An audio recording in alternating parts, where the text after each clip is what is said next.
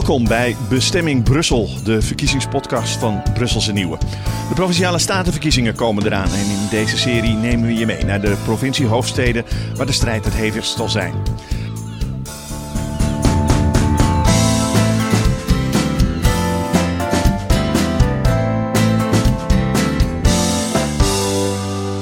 We bespreken iedere aflevering met twee statenleden en een Europarlementariër de belangrijkste regionale thema's, zoals stikstof, klimaatverandering, economische scheefgroei, Oekraïne en China. Maar meer dan ooit gaan deze verkiezingen ook over Brussel, dat in steeds grotere mate het provinciale beleid bepaalt. Hoe gaan de partijen daarmee om? We maken deze podcast samen met het Huis van de Nederlandse Provincies. Fijn dat je luistert. Mijn naam is Bert van Sloten. Mijn naam is uh, Yves Lacroix. En onze stop vandaag is Zuid-Holland. Het is de vierde en het is ook de laatste halte van ons uh, verkiezingsdebat. We zijn al geweest in Zwolle, we zijn geweest in Den Bosch, in Groningen en nu dus op het provinciehuis in Den Haag. En onze gasten zijn gedeputeerde namens de VVD, Jeannette Balieu. En statenlid voor de Partij voor de Dieren, Carla van Viegen. Welkom allemaal. In deze aflevering gaan we het hebben over verduurzaming en klimaat. Maar eerst maar eens eventjes over de invloed van Brussel op de provincie. Carla, mag, mag ik met jou beginnen? Uh, namelijk al heel lang statenlid, sinds 2007? Ja, dat klopt. Dat is ongeveer 15 jaar, bijna een heel leven. Uh, heb je het wat is je gevoel uh, als je dat, die periode overziet? Heeft Brussel meer invloed gekregen? Ja, wij zijn uh, wat dat betreft heel uh, blij met Brussel. Uh, als je kijkt naar de Natura 2000 doelen, naar kaderrichtlijn water, de derogatie nog onlangs, stikstof, dan zijn wij heel blij met Brussel, omdat ja, eigenlijk Nederland heeft zelf allerlei doelen ingebracht in Brussel. Maar ze houden zich er niet aan. Maar waarom ben je dan eh, blij met Brussel dat ze dat hebben opgesteld? Of dat nu het moment komt dat Brussel moet zeggen: ho, ho, we hebben iets, iets afgesproken? We hebben iets afgesproken en daar moet je je aan houden. En daar zijn wij heel blij mee, want anders had de natuur er nog veel slechter voor gestaan. En is die invloed van Brussel in die periode uh, vanaf 2007 toegenomen? Uh, ja, dat denk ik wel. Kijk maar naar, uh, naar de derogatie waar ze nu uh, toch paal en perk aan stellen. Natura 2000 doelen waar ze toch echt, kaderrichtlijn water waar ze echt druk op uitoefenen. Dus in die zin, voor de natuur en voor de waterkwaliteit zijn we heel blij met Brussel. Ja, is je net ook net zo blij? Nou, ik denk dat uh, de uh, bijdrage van Brussel aan uh, de doelstellingen die wij ook hebben, Namelijk uh, meer uh, CO2-neutrale uh, industrie bijvoorbeeld. de klimaatdoelstellingen, allemaal dat soort vraagstukken. Daar hebben we natuurlijk als Nederland, terecht wordt dat gezegd, zelf voor getekend. Dus die doelstellingen hebben we als Nederland. en we hebben heel veel steun aan Brussel als het gaat om financiering van dat soort trajecten. Want die, die zijn heel erg belangrijk. Uh, en het kost ontzettend veel geld. En we zien dat wij uh, als Zuid-Holland uh, grote bijdragen uit Brussel kunnen halen. Dat doen wij niet alleen als provincie. maar dat doen we ook met de partners hier juist in de provincie. vorige financiële periode is er uiteindelijk 1,4 miljard uh, naar Zuid-Holland gekomen aan uh, subsidies en investeringsgelden. En, en, en, en dat, dat helpt bestemd, in, nou, dat, dat, dat, helpt aan de energietransitie. Dat helpt om onderzoek bijvoorbeeld. Hè. We hebben een universiteit Leiden en we hebben een universiteit Delft die veel aan onderzoek doen.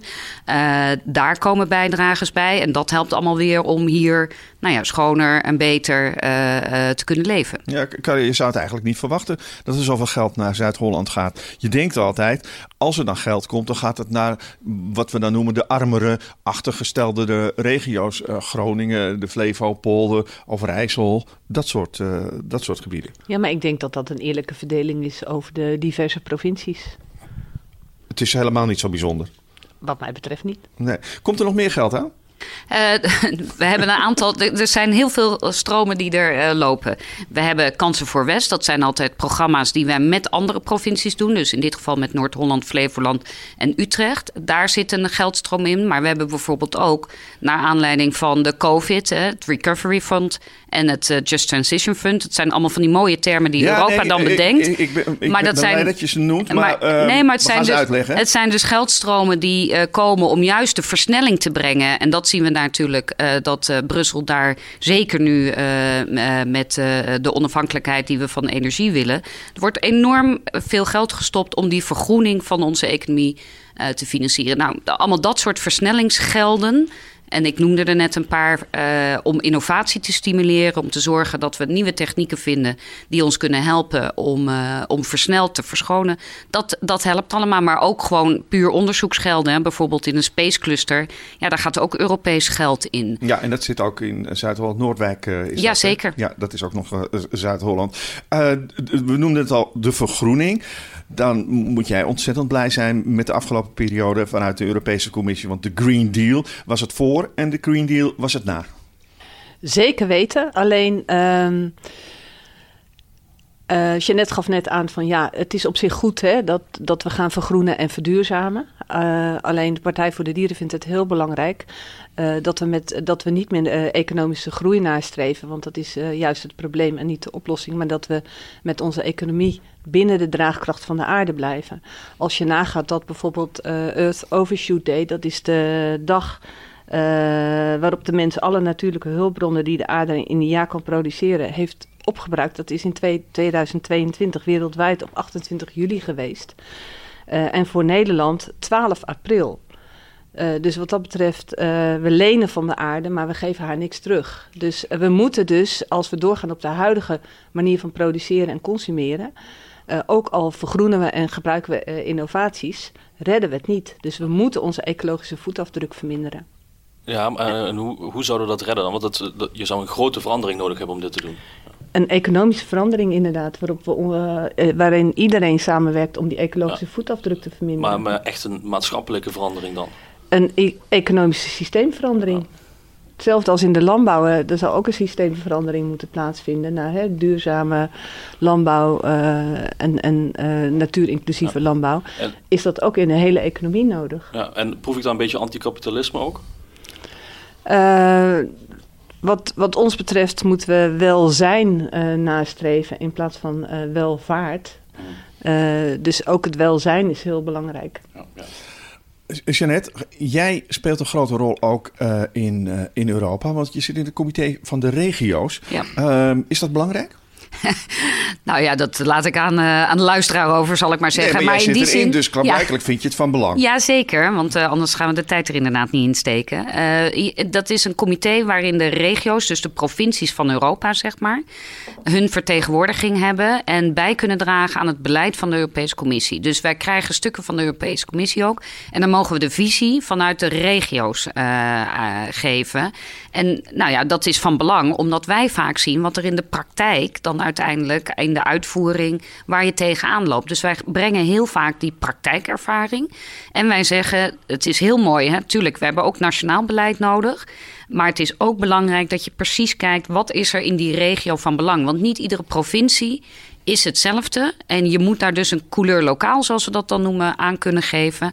En dat kan via het comité van de regio's. Waar lopen de regio's tegenaan? Noem eens een nou, ik heb me heel uh, uh, druk gemaakt om de industriebeleid van de Europese Commissie. Daarvan hebben wij ook steeds gezegd ja, nationaal beleid is belangrijk. Maar wij zien hoe bijvoorbeeld de netwerken binnen zo'n cluster van de industrie. Die heeft heel veel toeleveranciers. Het is een heel samenhangend e economisch systeem. Uh, wat hebben die dan nodig? En wat voor type onderwijs bijvoorbeeld hoort daarbij? Of kan je de verbinding met onderwijs maken? Je kan op landsniveau wel zeggen dat zou moeten gebeuren. Maar wij zijn met die bedrijven en die onderwijsinstellingen bezig om dat bij elkaar te brengen. Ja. Dus op die manier uh, is het belangrijk om te horen waar regio's in de praktijk tegenaan lopen. Jullie staan met de laars in de modder. Ja, ik kom op die laars omdat ik daar in de hoek zie ik een paar laarzen uh, staan. Ja, die hebben we ook. daar loop ik ook wel op rond, ja. Dit is jouw werkkamer, dus ik ja. neem aan dat je die altijd bij de hand hebt. Zeker. maar als je dit, uh, als je dit zo, uh, zo hoort, heb je daar überhaupt invloed ook op? Kan jij tegen haar zeggen van, nou doe, doe dat eens in het comité van de regio's?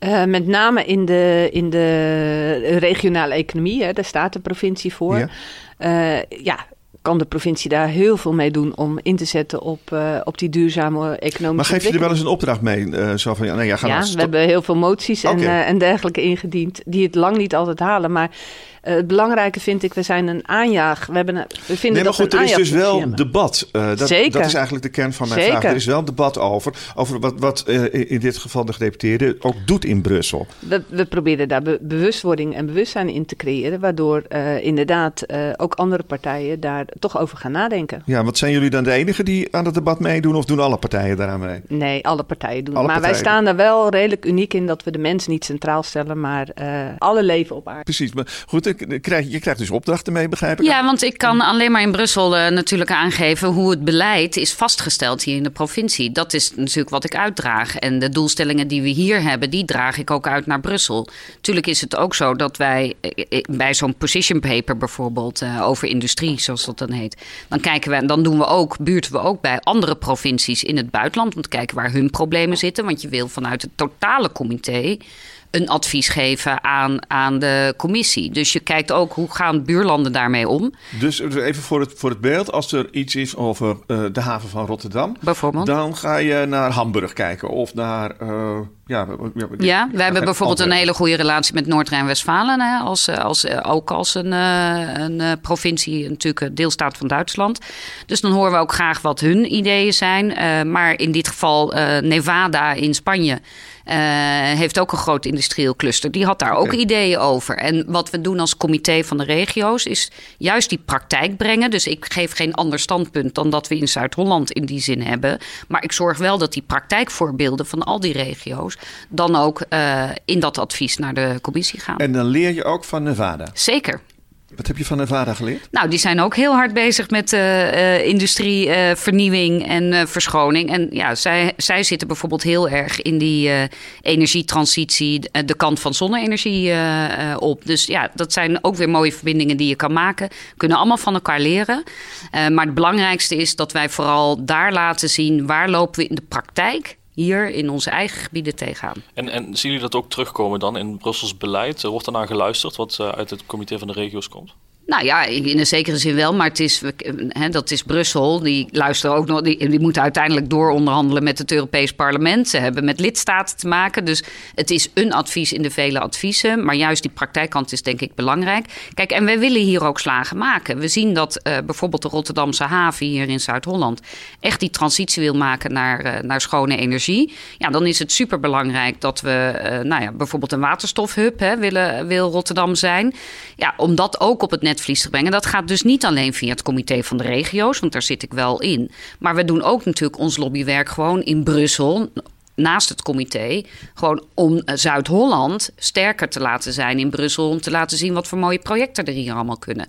Nou, ook dat uh, is uh, van belang. Ja. Wordt er goed gelobbyd, denk jij? Um, ja, ik ben ja, niet zo thuis in Brussel, dus daar kan nee, ik van nee, alles over uh, Nee, maar zeggen. goed, het, jij ziet het uh, als uh, statenlid, zie je het resultaat. Uh, dus, dus je hebt een bepaald idee en, en je wil iets binnenhalen. kan je dat op een of andere manier afmeten? Uh, ik denk wel dat er steeds meer uh, bewustwording ontstaat over dat het moet veranderen. Kijk naar uh, de klimaatgevolgen die we nu al zien, hè, met verdroging en, en enorme wateroverlast en, en hitte en, en branden en dergelijke. Dus ik denk dat steeds meer mensen wel inzien dat het echt anders moet. Dus in die zin zie ik wel een toenemend bewustwording bij meerdere partijen, ook in de Staten, dat het anders moet. Ja, nou, een van die punten is bijvoorbeeld de verduurzaming natuurlijk. Hè. de Rotterdamse haven is een, een, plek waar behoorlijk verduurzaamd moet worden. Gaat dat snel genoeg? Heb je daar steun bij uh, van Brussel, vind je? Um, ja, en, en dan komen we natuurlijk op uh, waar, waar uh, de VVD en de Partij voor de Dieren echt van mening verschillen. Dat is bijvoorbeeld de warmtelink. Dat is een voorbeeld dat de Rotterdamse haven de restwarmte wil, wil benutten om van Den Haag, nee, van Rotterdam naar Den Haag een uh, pijpleiding uh, te, te, maken. Ja, dus de warmte die overblijft, zal ik maar zeggen, van de maar, industrie ja. willen ze met een pijpleiding richting Den Haag uh, en, doen, zodat en, Den Haag ook, het ook warm heeft. En daarvan zeggen wij van, ja, die restwarmte komt uit de fossiele, fossiele industrie in de haven.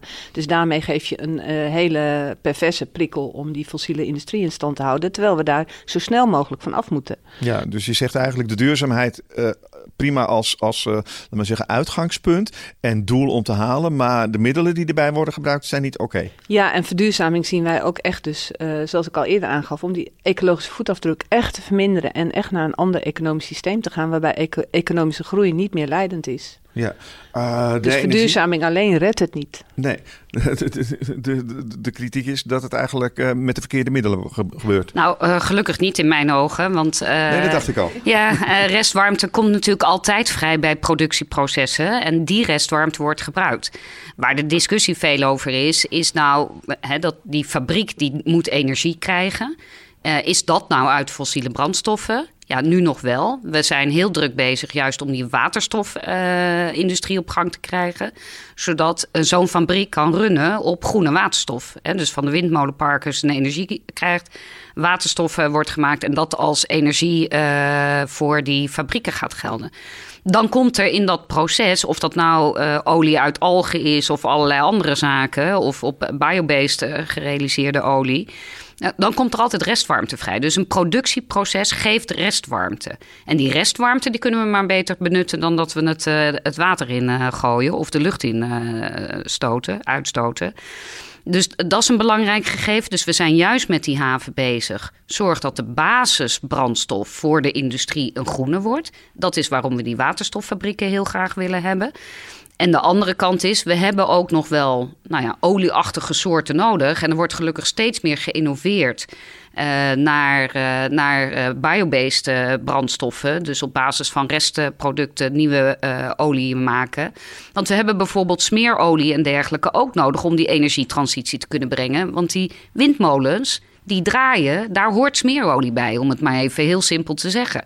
Uh, want anders draaien die wieken niet. Dus in dat opzicht hebben we dit soort producten nodig. Gelukkig zijn er allerlei innovaties. Ik heb er net een mooie check ook aangegeven aan een biobased alternatief voor aardolie. De Vertoro heet dat eh, bedrijf. En die doen dat nou, op een biobased basis. Ja. nee, ja, maar goed, het is een innovatie. Hè? Dus het is een kleine start-up. Dus het is nog helemaal niet zo'n groot uh, bedrijf in die zin. Maar we willen wel heel graag dat soort transities maken. Ook daar hebben we geld bij Brussel, vanuit Brussel bij nodig. Nou, het woord waterstof is al een aantal keren uh, gevallen. daar kan je op verschillende manieren tegenaan kijken. Daar gaan we straks vast en zeker verder over discussiëren. Maar het is misschien goed om even naar buiten te gaan. Ik zeg erbij, uh, af en toe hoor je kletteren, kletteren, klets. Dat is Holland. Het is regenachtig op de dag dat deze reportage werd uh, opgenomen. Ja, tot hier mogen we? Ja, nou ja, hek. Hier voor het hek. Vanaf hier moet je een uh, bak aan. Ja, dan blijven we hier even voor het hek staan, denk ik. Even door de regen. Toepasselijk als we het gaan hebben over waterstof. Maar ik zie een groot bouwterrein. Graafmachines zijn bezig, rijden af en aan. Een hoge hijskraan en heel veel zand. Hier bij de Rotterdamse haven komt de eerste grote waterstoffabriek van Shell. Wat hier straks geproduceerd wordt, dat is in principe genoeg om 2300 vrachtwagens op te laten rijden. Herman van der Meijden, manager energietransitie Shell. Hoe gaat dat in zijn werk? Energie opwekken door middel van waterstof? Dat gaat als volgt. Je bouwt een, eh, een fabriek waarin je water eigenlijk ontleedt in waterstof en zuurstof. En om dat te kunnen doen heb je elektriciteit nodig en dat halen we hier binnen vanuit windpark op zee mag groene waterstof heten omdat je het maakt met groene elektriciteit die komt van windmolens die we op zee bouwen.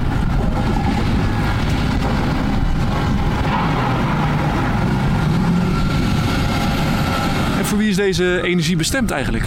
In eerste instantie zal de waterstof naar de raffinaderij in uh, Pernis gaan, die hier uh, eh, 40 kilometer verderop zit. Uh, en uh, dat is de eerste klant. En daarna gaan we zoveel mogelijk die waterstof leveren aan bijvoorbeeld het zwaar transport, grote vrachtwagens die hierop gaan, gaan rijden.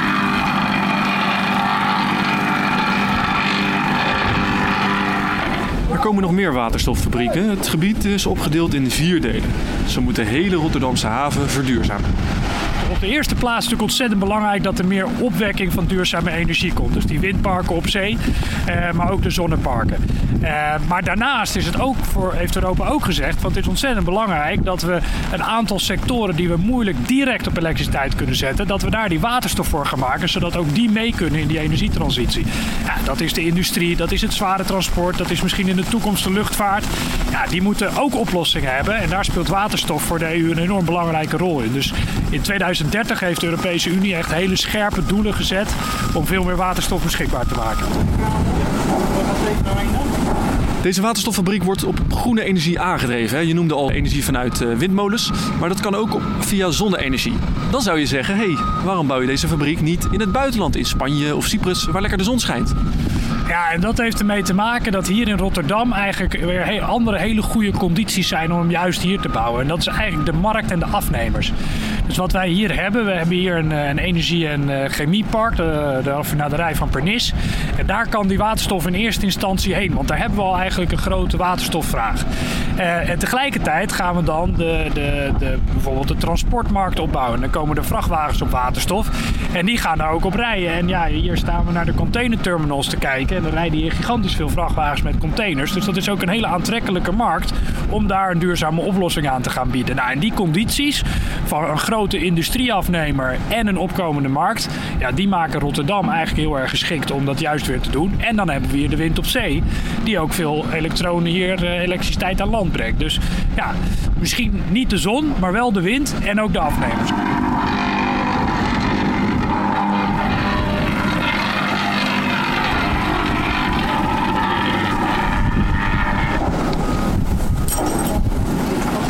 Fabriek is eigenlijk nog maar een hele kleine stap, hè? Nou, hij is heel erg groot als je kijkt naar wat er tot nu toe in de wereld bestaat aan waterstoffabrieken. Maar hij is nog klein als je kijkt naar wat de ambitie van de Europese Unie is en waar we naartoe moeten.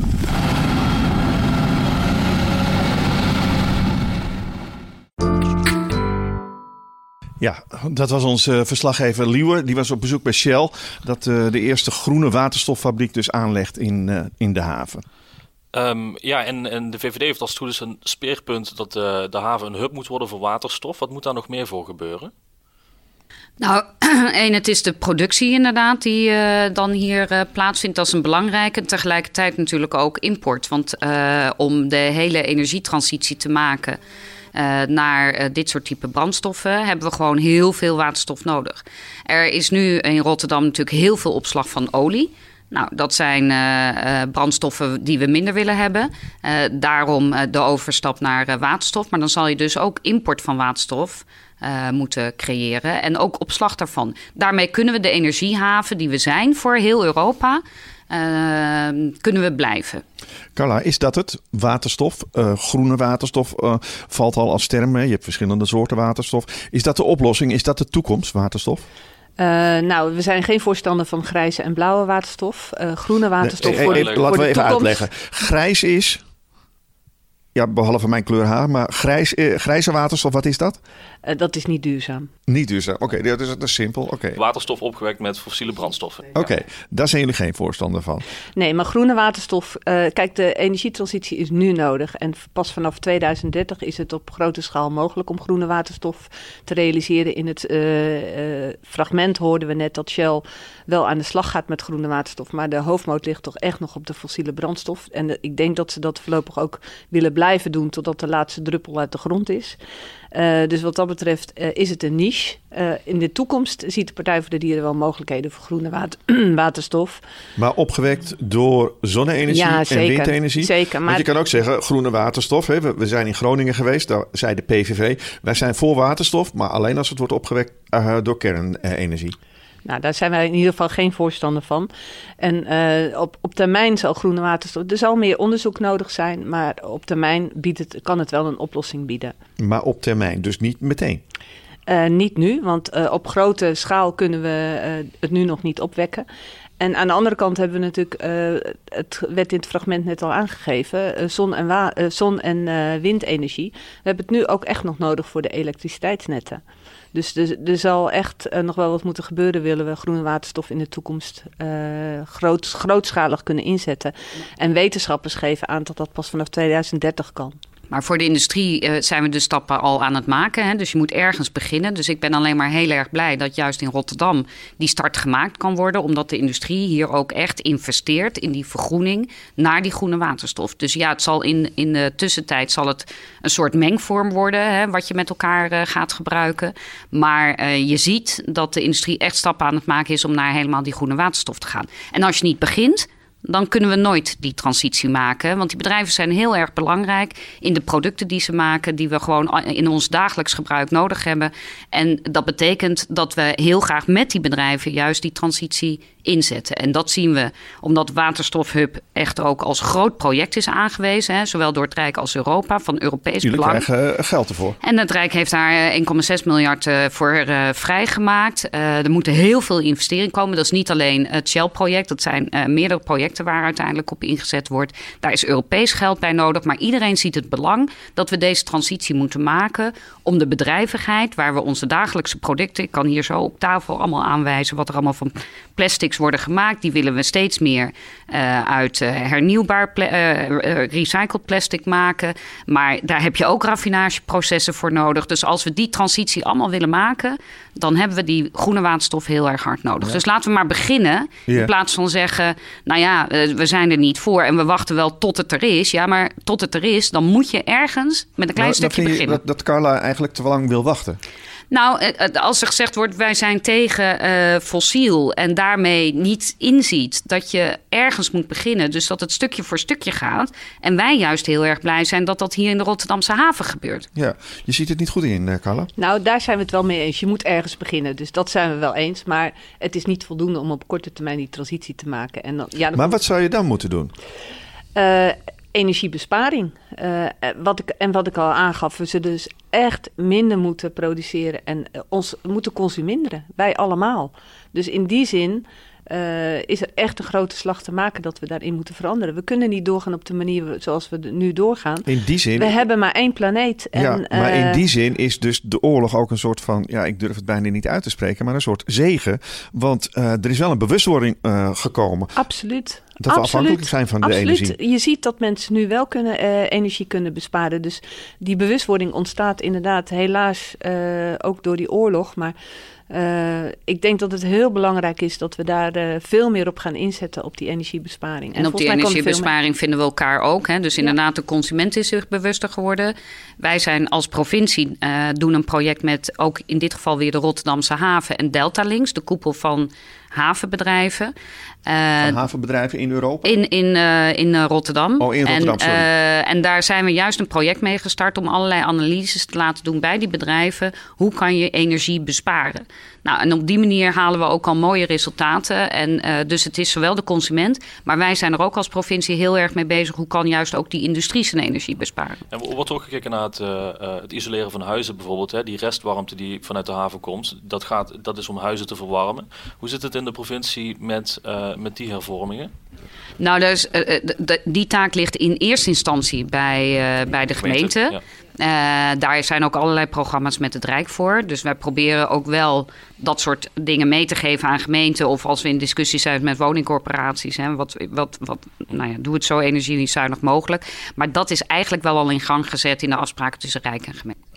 We spreken ook eh, tijdens deze podcastserie met eh, Europarlementariërs over, over jullie, eigenlijk over de provincies. Eh Yves, bij wie ben je eigenlijk langs geweest Ja. deze keer? In Brussel ben ik langs geweest bij Vera Tax, PvdA-europarlementariër. En daar hebben we het gehad over eh, Repower EU en over de verduurzaming van de haven in En Rotterdam. Repower EU, dat is zo'n groot subsidieprogramma, hè? Het is een heel groot Europees eh, plan inderdaad dat na de oorlog eh, begonnen is. Maar dat gaat Vera helemaal uitleggen.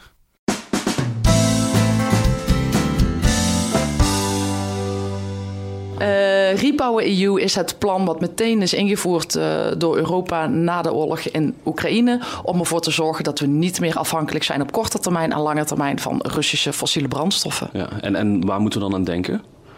Eh, een concreet voorbeeld? Dat we dus in de toekomst geen gas meer importeren uit Rusland, maar dat we dat op een andere manier voorzien in onze energiebrandstoffen. Eh, wat, wat heeft dat programma dan eh, voor een invloed op de haven bijvoorbeeld, op de zeevaart? Ja, een hele grote invloed. Ehm, je moet je nu voorstellen dat gas komt rechtstreeks via pijpleidingen naar ons Europese continent. Dat is de manier. En omdat wij nu zeggen het moet anders, gaan we dus uit andere landen met name LNG, liquid, eh, liquid, liquid natural gas, importeren. En dat gaat dus via schepen, want we hebben daarvoor geen leidingen liggen. En ja, daar waar je dan aankomt met je grootste schip, eh, is in de haven, eh, met name Rotterdam, een van de grootste havens. En wat dus van belang is, is dat Rotterdam, dat we daar die LNG-terminals bouwen. Dus dat we daar de opslag van LNG kunnen laten plaatsvinden. Om je een beeld te geven, op dit moment hebben we in Europa 27 27 van dat soort LNG-terminals. Duitsland heeft daar bijvoorbeeld geen. Dus Rotterdam is een hele belangrijke haven om er ook voor te zorgen dat we die LNG kunnen opslaan en dat we hem van daaruit ook verder kunnen transporteren naar de rest van Europa. Betekent dat ook dat nu door die oorlog er meer verkeer door de haven Rotterdam komt? Ja, sowieso is er al zeg maar, meer verkeer. Het verkeer met zeevaart. Uh, dus de, het vervoer per zee uh, wordt alleen maar meer, dat weten we. En de uitdaging is natuurlijk ook om daar de emissies onder controle uh, te krijgen. Dus het zal alleen maar toenemen, ja. ja. Wat, wat doet de haven al tegen klimaatverandering en meer uitstoot? De haven Rotterdam doet gelukkig heel veel. Dat moeten ze ook wel, want ze zijn een van de grootste vervuilers. Uh, per jaar stoten ze 14 miljoen CO2-ton uit, dus dat is echt heel veel. Um, maar ze hebben dat ook eh, goed voor ogen en gaan daarmee heel uh, goed aan de slag. Wat ze doen is, uh, en gaan doen, is dus het bouwen van die LNG-terminals. Waarmee al die LNG naar de haven kan komen, daar opgeslagen kan worden. Van daaruit verdeeld kan worden over Nederland en de rest van Europa. wat ook belangrijk is, is dat ze daarmee dus de toekomstige schepen kunnen bevoorraden. Dus het tanken, het bunkeren van schepen, duurzame schepen die voorzien worden van LNG. En wat ook heel belangrijk is, de digitalisering. Rotterdam is daar echt een voorloper Zij willen zeggen, zij gaan ervoor zorgen hoe kunnen we nu met het delen van data en digitalisering ervoor zorgen dat schepen just in time aankomen in de haven en niet vijf uur moeten wachten en dan heel vervuilend uh, uitstoten.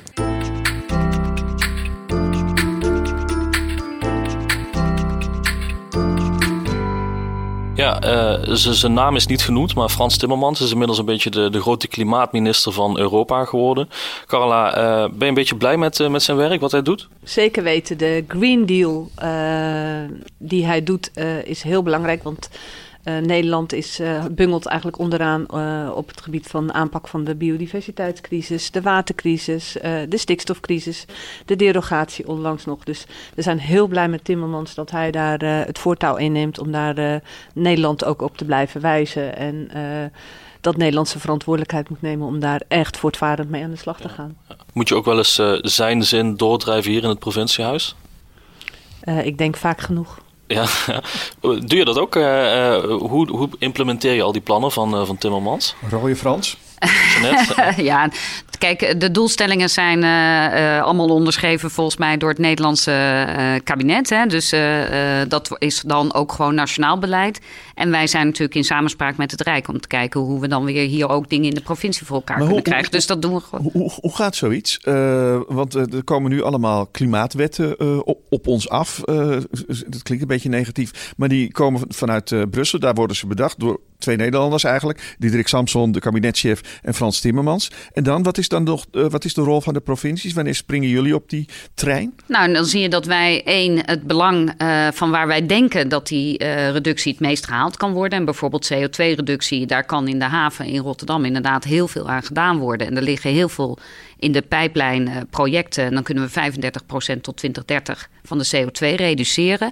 Dat soort projecten onder de aandacht dan brengen bij de commissie. Want de commissie zegt dan ook, wij willen daarbij helpen. Je kan wel regels opleggen. Maar als je alles wil versnellen, dan zal je toch ook de bedrijven een steuntje in de rug moeten geven om dat te kunnen doen. Maar dus wij brengen die projecten. eigenlijk boven als, uh, als een soort drone. En jullie zitten wel iets, iets, iets lager en zeggen, nou commissie, let op, hier zo. Ja, hier, zijn, mooie projecten. Dus wij lobbyen mee met, uh, nou in dit geval het havenbedrijf Rotterdam, die echt kansen ziet om die transitie met hun bedrijf te maken. Uh, wij brengen dat onder de aandacht ook bij het kabinet om natuurlijk uh, ook uh, met financiering en de goede regelgeving aan te komen. En we kunnen daar zelf, en dat nogmaals, wij krijgen dus ook die Europese gelden die wij kunnen besteden. En daar hebben we juist dit soort doelstellingen aan gekoppeld, omdat we weten dat die opgave er toch is. Dus de gelden willen wij ook echt benutten voor die doelstellingen van klimaatadaptatie, uh, klimaatverandering en CO2-reductie. En Carla, doet de provincie genoeg? Uh, nou, ik vind het heel belangrijk om aan te geven dat naast de haven waar we het net over gehad hebben, dat de provincie uh, wat, wat wij zeggen is meer boeren, minder, minder, minder vee. Hè? Dus minder productiedieren. Dus, dus, uh, de, ja, de, meer boeren, maar dan wel maar met, met... extensiever. Dus Precies. de veestapel uh, vinden wij moet echt fors gereduceerd worden met 75 procent. Dus uh, daar is een, ook een hele opgave voor nodig. En daarnaast bijvoorbeeld in de glastuinbouw, uh, ja, uh, de energieslurpende glastuinbouw. heel, 80% van de glastuinbouw is voor de sierteelt, of heel veel gaat, is voor de export. de sierteelt bijvoorbeeld bijvoorbeeld, ik weet dat er in het kabinet ook gesproken is, hè, als de energie echt een probleem wordt, om dan die sierteelt ook te stoppen. Waar de Partij voor de Dieren in ieder geval op aan wil sturen, is dat we de glastuinbouw gaan verduurzamen en zorgen dat we voor regio op een duurzame manier en regionaal voedsel gaan produceren. Uh, dus in plaats van de, de export van de sierteelt. En dat we ook de ondernemers daarbij helpen bij die transitie. Ja, dat, dat er niet alleen maar lege kassen blij, achterblijven in het Tuurlijk, Westland. je moet ze helpen bij die transitie. Hetzelfde als wat we doen bij de boeren. We willen de boeren ook echt helpen met met name ook de Europese, Europese uh, landbouwsubsidies... Om, te, om echt te verduurzamen en uh, ja, naar een gezonde landbouw die ook voor de toekomst nog uh, zeg maar, uh, perspectief biedt. Ja, Jeanette, is er toekomst voor de glastuinbouw? Ja, zeker. Want we zijn de meest innovatieve sector, of de meest innovatieve glastuinbouw ter wereld. dus, maar ook misschien wel de meest energieslurpende glastuinbouw ter wereld. Nou, maar daar zie je juist weer mooi hoe je ook weer gebruik kan maken van dichtbij restwarmte die er is. Want dat kan weer in de glastuinbouw heel goed gebruikt ja, worden. Dus dat is, ja, dat, dat weet ik. Maar wij denken dat je dan juist een heel mooi systeem met elkaar creëert. Dus die glastuinbouw, daar is ruimte voor. Natuurlijk komen er steeds meer richtlijnen over hoe dat milieuvriendelijker kan. Bijvoorbeeld over de kaderrichtlijn water, ook zo'n regeling die uit Brussel uh, komt. Daar moet de glastuinbouw ook aan werken. Dat zij minder uh, stoffen gebruiken die schade toebrengen aan het water. Nou, ook dat soort vraagstukken zijn wij mee bezig. Zijn we in goed gesprek met de glastuinbouw om daar iets aan te doen. Nou, een van de andere dingen, ik hoor net het gemeenschappelijk landbouwbeleid hè, uit Brussel, waar we ook als provincie gelden voor krijgen. Uh, om daar invulling aan te geven. Nou, er zitten hele belangrijke elementen in hoe boeren meer kunnen verduurzamen. Wij zijn er niet voor om te zeggen, nou, dat moet allemaal zoveel minder boeren. Maar boeren kunnen wel meer verduurzamen. Een van die bijzonderheden is dan dat boeren in het verleden een vergoeding kregen als ze uh, op een uh, natuurvriendelijke manier hun oevers deden. Nou, dat is er bijvoorbeeld weer uitgegaan. Dat zijn allemaal gekke wisselingen. Wat dan ook in Europa tussen aanhalingstekens. Hè, want daar zijn we allemaal bij, zeg ik altijd. Maar er worden dan weer afspraken in Europa gemaakt om dat eruit te halen. Nou, dat is dan weer vreemd. Want wij willen ook heel graag dat die boer, boer verder verduurzaamt. En zijn boterham kan verdienen. dat hoeft niet met minder vee, maar kan wel met goede regelingen. Dat vind ik wel een aardig voorbeeld. Overkomt je dat dan? Althans, ben je er dan al verbaasd over dat dat er uiteindelijk uitgaat? Want volgens mij is dat destijds een soort van ruil geweest uh, tussen, de, tussen de landen. Uh, ben je er dan verbaasd over? Of denk je, ja, nou ja, zo werkt de politiek? Nou ja, zo werkt het uh, uiteindelijk. In, hè, in Nederland werken we ook met uh, coalities en compromissen. Zo werkt in dat opzicht hoe je naar een breder draagvlak komt met regelingen die nou ja, door, door een groter deel gedragen worden. Dan moet je hier daar een beetje geven nemen. Zo werkt het in, in, hier in de provincie, in Nederland, maar natuurlijk ook in Europa. Zijn we dan verbaasd? Nee, we volgen zo goed mogelijk zeker onderwerpen die van ons van belang zijn. Niet alles wat in Brussel gebeurt is ook van belang in de provincie. Uh, dus dat volgen we. We proberen via dat comité van de regio's input te geven. We proberen het Nederlands kabinet dan ook standpunten mee te geven. Wat zijn de effecten in de regio's?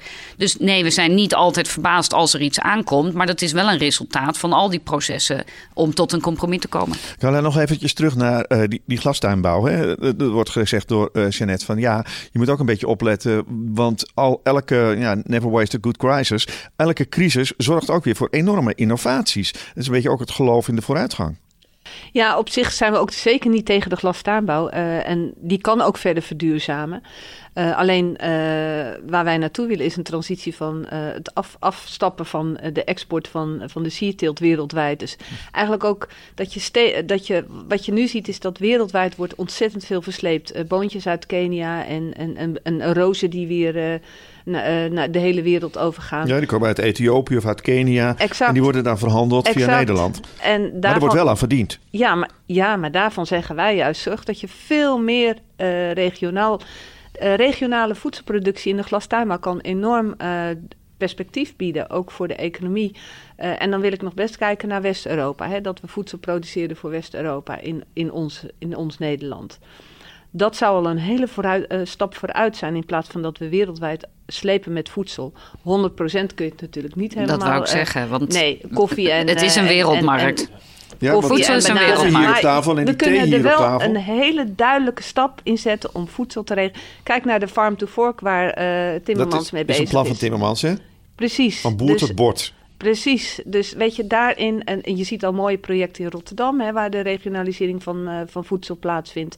En dat zouden we veel meer moeten promoten. Als provincie en, en, dragen wij er ook aan bij wat wij noemen de korte ketens. Hè. Dus kan je inderdaad de productie die hier plaatsvindt ook echt hier in de supermarkten vinden. En tegelijkertijd gebruiken wij dat ook allemaal. Hè. Dus in de provincie proberen wij ook zoveel mogelijk lokale producten te gebruiken. Maar daar kan een ondernemer niet alleen, een hele sector kan daar niet alleen op leven. We zijn altijd heel blij als sectoren uh, exporteren en, en juist heel erg goed in uh, technologie en innovatie zijn. Uh, en dat zijn wij dus ook vanuit de glastuinbouw en, en ook onze akkerbouw. Dus het is helemaal niet erg als er geëxporteerd wordt. Uh, want dat, dat vinden we, daar maar zijn we altijd trots op. Nou ja, daar zijn we altijd trots op. En, en de, de, de, wereld, de voedselmarkt is een wereldmarkt. Uh, onze avocados komen ook niet allemaal uit uh, Europa. En die wil ook iedereen op zijn bordje hebben. Uh, dus?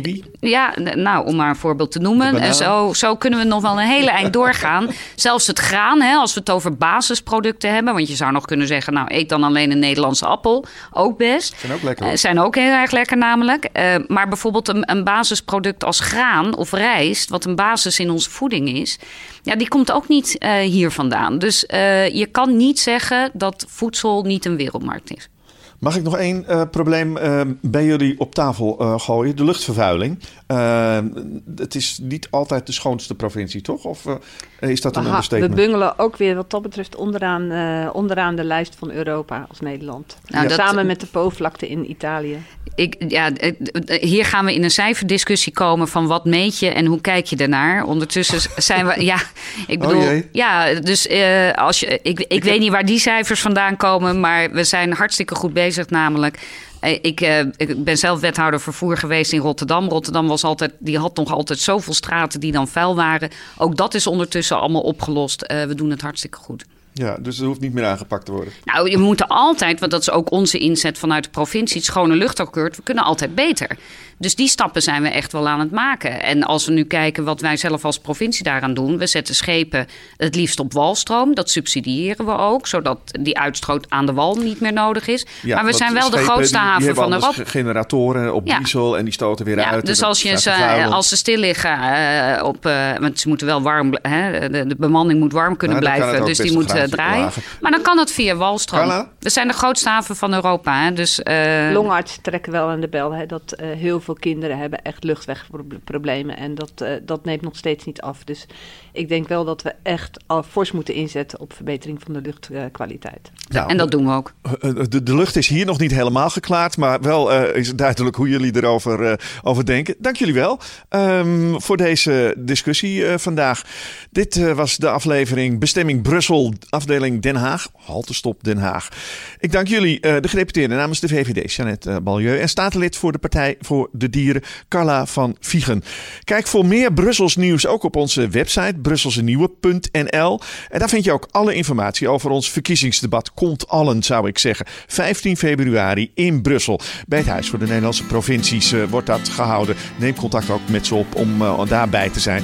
De presentatie is dan in handen van mijzelf en van Kees Boman. En dat moet je natuurlijk andersom zeggen. Kees Boman en mijzelf. Dankjewel voor het luisteren en uh, tot de volgende keer. En Yves, terug naar Brussel? van mij terug naar Brussel zometeen. Ja. Ik, ik, ik volg je. Tot op 15 februari.